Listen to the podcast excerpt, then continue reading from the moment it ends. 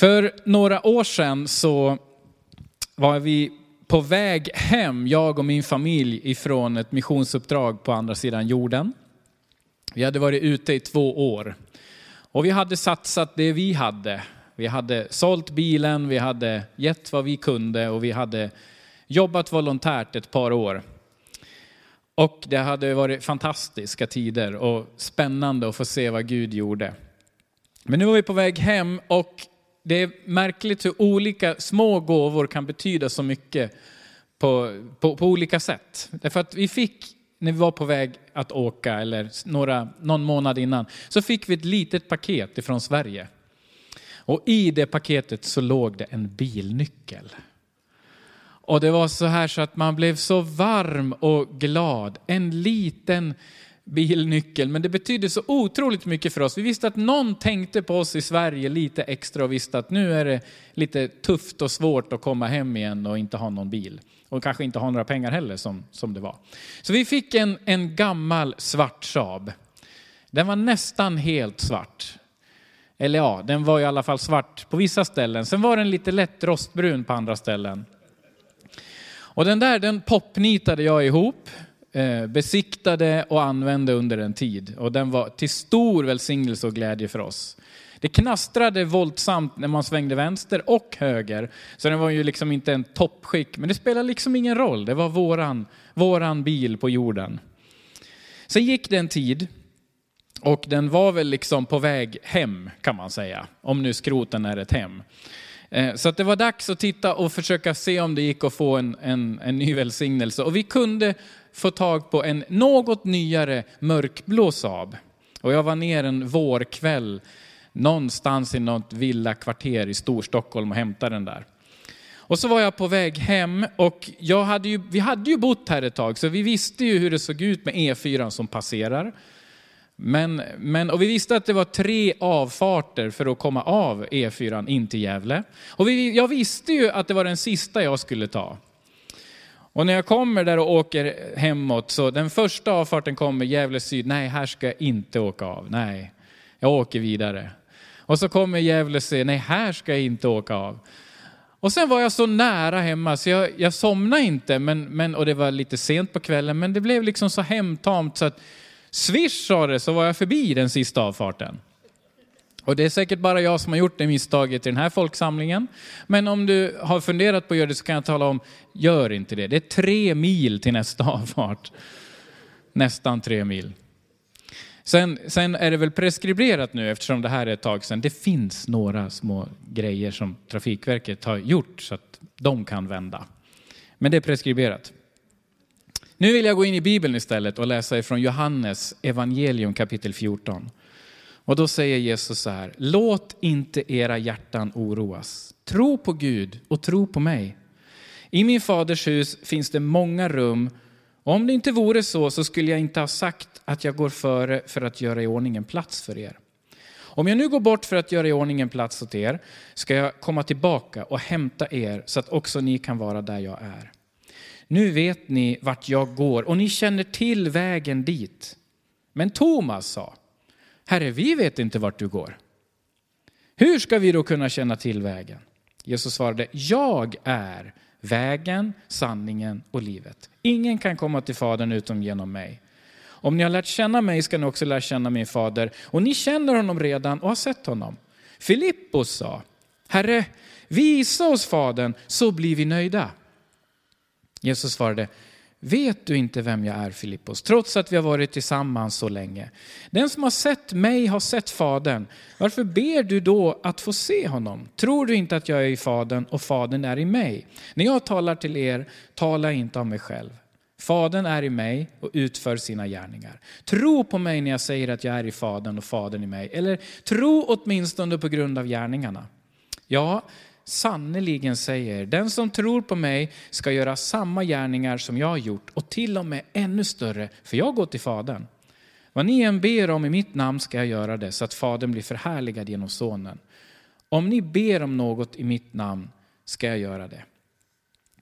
Kan du framkalla en sån här känsla du, jag tror att du har, alla här har haft en sån där känsla av att komma hem. Du kan ha varit på något uppdrag någonstans. Du kan ha varit kanske på semester till och med.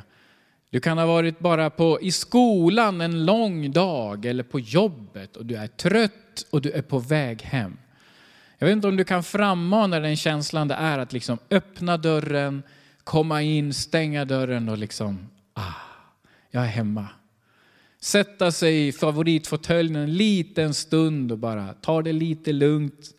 Eller kanske i soffan och bara ha liksom en liten stund för dig själv. Det, det där är så bekant för en när man, när man vill komma hem. Det, det, där är någonting fantastiskt. Och jag tänker att Jesus faktiskt längtade hem emellanåt. Hur kan jag säga det? Jo, det beskrivs att Jesus hade en, en han, han kom ifrån Gud och hade en, en, liksom, en position av att få vara med i världsalltets centrum. Han hade fått vara med och skapat jorden. Han hade, det fanns änglar där och det, det var liksom inte en dålig plats för honom att vara och det var ingen dåligt jobb, eller man ska säga, att vara med i gudomen. Och så avsäger Jesus sig allt det här föds på jorden, går och blir smutsig om fötterna, blir svettig, dammig och, och förkyld och allt det här. Och, och liksom kliver ner på jorden på ett helt annat sätt. Och så får han människor runt sig som inte förstår vad det är han vill för någonting. Jag är helt övertygad om att Jesus längtade hem. Och vi kan också längta efter att få komma hem och låta axlarna sjunka ner. Och jag hoppas att du kan ha en sån här hemkänsla emellanåt. Men jag vet att det inte är självklart.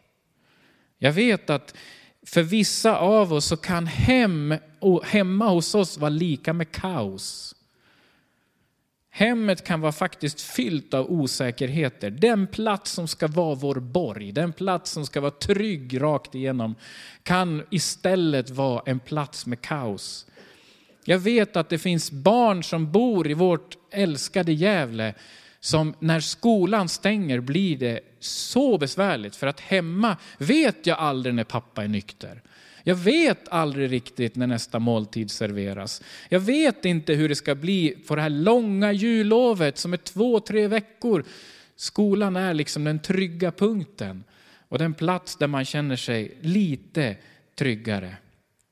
Du kanske också har svårt hemma som du inte berättar för någon. Du kanske inte vet om din fru när du kommer hem funderar på om hon ska fortsätta leva. Vi vet att saker och ting händer i våra liv som vi inte alls har planerat, som vi inte alls vill ha det, men som bara är där. Och du kanske inte alls känner att hemma är din fantastiska plats. Och det här är ingen hemlighet för Bibeln.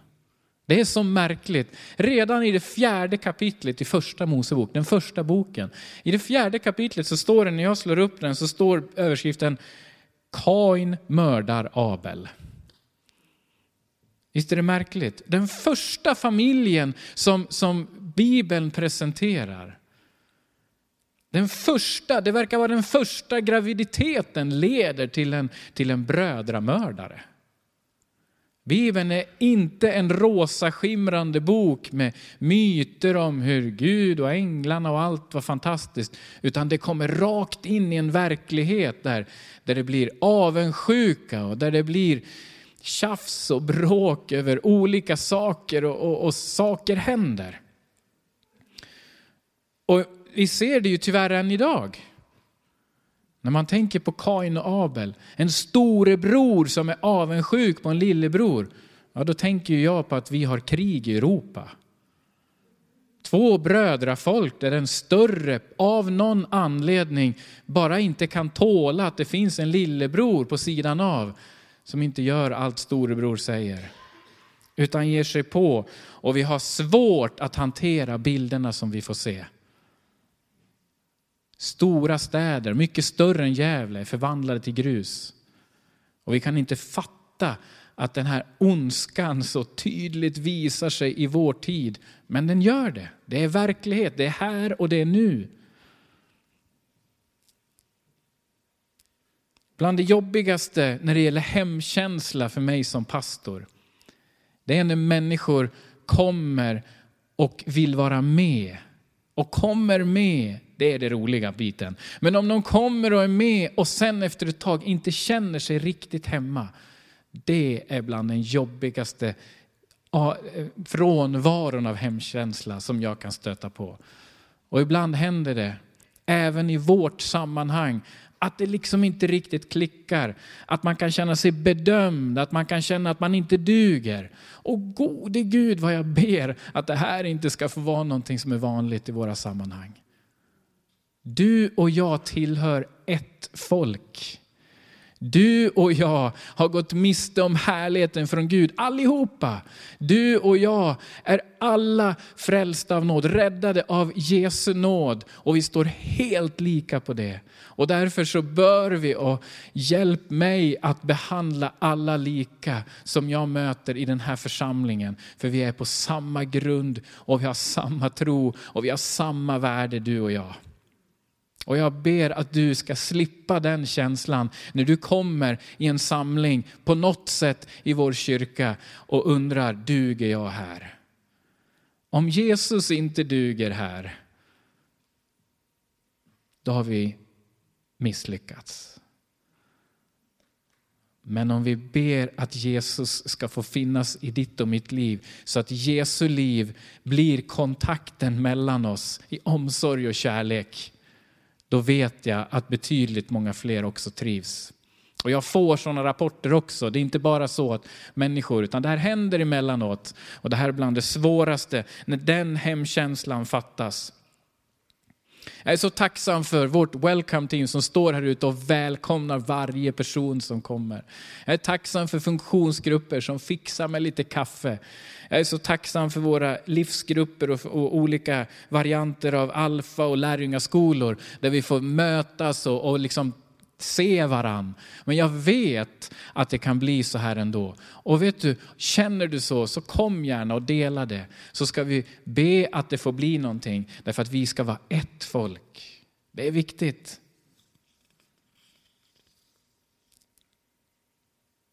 Jesus i den här bibeltexten, han berättar och hintar om sitt uppdrag som han är på väg in i. Och han visste att när det är klart så ska jag hem. Han visste att jag ska hem. Men först ska han ta på sig allas misslyckanden på korset. Han ska ta på sig, han ska liksom ta en kula för varenda sak som kan hända och har hänt.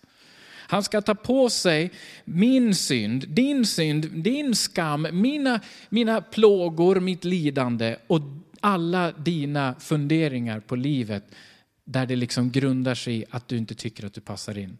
Allt det här ska han ta på sig på korset och dö bort när han uttalar de orden som vi läste. Och han är på väg in i detta.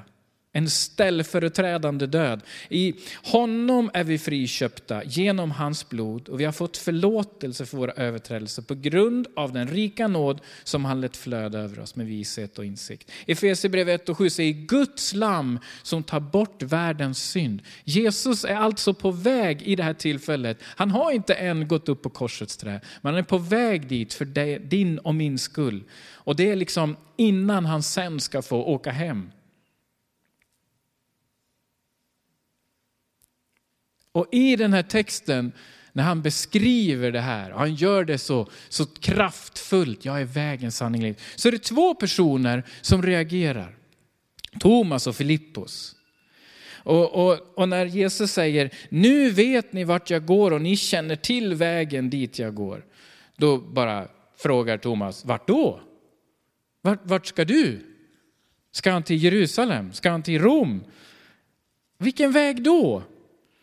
Och så utbrister han, vi vet inte vart du går. Hur ska vi då kunna känna till den vägen? Och det faktum att precis kapitlet innan, kapitel 13, 36, då säger Petrus samma sak. Vart går du? säger Petrus till Jesus. Och, och Jesus svar, jag är vägen, sanningen och livet.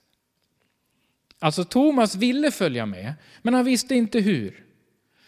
Vi vill gärna följa Jesus. Många av oss som har kommit till tro, vi vill följa Jesus. Men vi kan komma till punkten, hur ska vi göra det här? Vad borde jag göra? Hur många kapitel i Bibeln borde jag läsa? Hur många minuter behöver jag be? Ska, hur ska jag leva? Vilket, och så blir frågorna så många så att vi kan faktiskt fastna i huret. Men Jesus säger istället för att berätta så och så och så säger han, jag är vägen. Och, och så fortsätter Filippos när han säger det här. Han säger, om ni har lärt känna mig ska ni också lära känna mig fader. Då är det som att Filippos säger, ja men okej, okay, visa oss Gud då. Så är vi nöjda. Det är som att allt Jesus, det fantastiska som vi kan sitta i timmar och läsa och fundera över, det blir för mycket för Filippos. Det blir nästan så att det inte liksom, han förstår inte. Det känns som att Filippos inte riktigt förstod det här med sanningen och livet. Det var liksom abstrakta saker för honom. Och det for liksom över huvudet. Nu fantiserar jag något, det, det förstår ni. Men, men det, det, är fullt möjligt, därför att det enda han kommer ut, okej visa mig bara Gud så är jag nöjd. Så är jag nöjd. Kan vi inte bara få se Gud? Och så pekar Jesus igen på sig själv. Det är ju jag. Det är ju jag. Den som har sett mig har sett Fadern. Så i båda svaren, i, i, i frågan hur vi ska leva och, och liksom regelmässigt ställa upp agendor och scheman för hur man är kristen i Gävle 2022. När, när du kommer med alla de listorna och frågorna, så självklart får du ställa frågor. Du kan läsa också i Bibeln hur det är att följa Jesus. Men huvudpunkten som Jesus svarar på alla de här frågorna, kom till mig. Tro på mig. Lita på mig. Jag är vägen. Du vill veta vägen, du vill, du vill få den utstakad, du vill få den utritad och en, en karta och kom, en kompass så du vet exakt. Men det är jag som är vägen, säger Jesus. Så i kristen tro så handlar det inte om att du exakt kan få kartan rätt och få ditt liv perfekt. Utan det är att tro på Jesus, att lita på Jesus. Att ha någon annan att förlita ditt liv till, att vila i. Inte göra, utan få tro är att få lita på någon annan. Och Jesus säger, det är jag som är Gud. Lita på mig.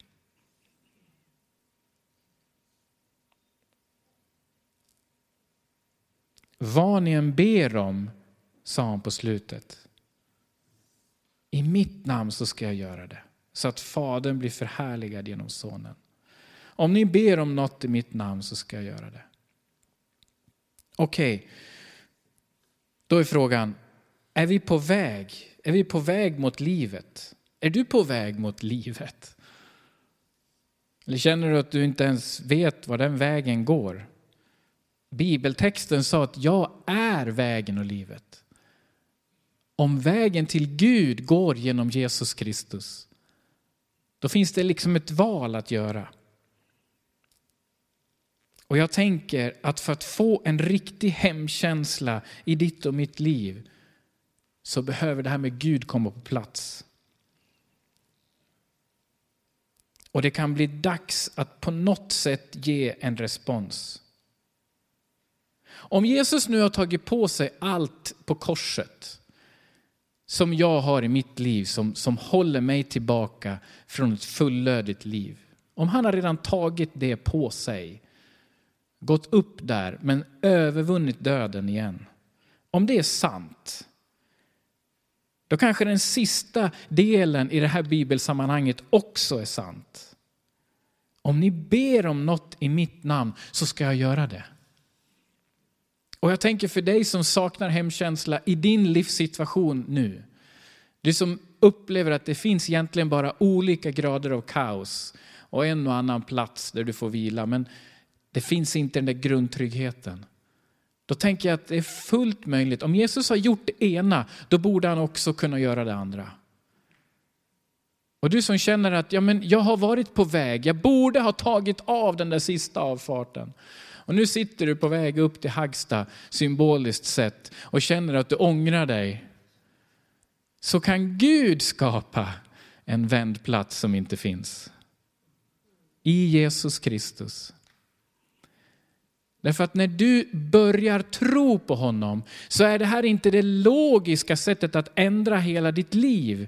Det är ju inte att du förändrar din mathållning, din, din, vad, hur mycket du tränar, hur mycket du, vad du tänker, utan det är ett steg i tro på att Gud finns och att Jesus vill ha dig som sin vän. Han har tagit på sig allt ditt tokiga, allt mitt tokiga. Han har tagit kulan för dig och nu vill han bjuda in dig till en gemenskap med honom. Och ditt steg är att ta ett steg i tro att jag vill lita på det. Och plötsligt skapas det en vändplats för dig min vän. Så att du kan komma tillbaks till rätt avfart och komma hem. Vägen hem är också vägen till livet. Jag är vägen, sanningen och livet. Jag tänker att du kan få frid i ditt jordiska hem. Ja, men jag har det så svårt hemma. Det är bara kaos. Ja, jag vet. Jag förstår det. Jag vet att det händer så. Men jag tänker att om Jesus kan förändra allt så kan han också förändra ditt hem. Vi hörde nyss om några som längtat att få göra saker tillsammans i en annan del av världen och nu händer det. Jag tänker att Jesus kan förändra ditt hem. Jag tänker att du också kan få ett liv i, i överflöd i ditt möte med Jesus Kristus. Ja, men jag, jag, jag fattar ju inte vad det är att leva med Jesus och den kristna tron. Ja, men nu är du tillbaks där Thomas var. Hur ser vägen ut? Det är jag som är vägen, säger Jesus. Jag tänker också att du kan faktiskt få en hemförsamling, en, en hemkänsla i det sammanhang som du så mycket saknar. Det kan vara din livsgrupp, det kan vara ett, ett, ett, gäng du längtar efter gemenskap som betyder något på riktigt. Vänner som finns där när livet kraschar och brakar och som ställer upp för dig. Jag tänker att det behöver inte vara någon omöjlighet. Om Jesus har gjort allt det ena så kan han också göra det andra. När jag missade den där avfarten den där kvällen så var jag ganska dåsig. Jag väntade för länge. Gud hjälpte mig att vända bilen och komma hem. Och nu kan du vara med här och känna, jag vill också komma på rätt väg i det här. Jag vill testa det här. Jag vill, jag vill få en annan ett annat, en, en trygghet i mitt liv. Jag vill få ett helt liv. Och det är det Jesus erbjuder. Ett liv tillsammans med honom. Ett helt liv. Ska teamet komma upp så ska vi gå in i landning för detta. Denna enkla, enkla predikan om att vägen hem är också vägen till livet.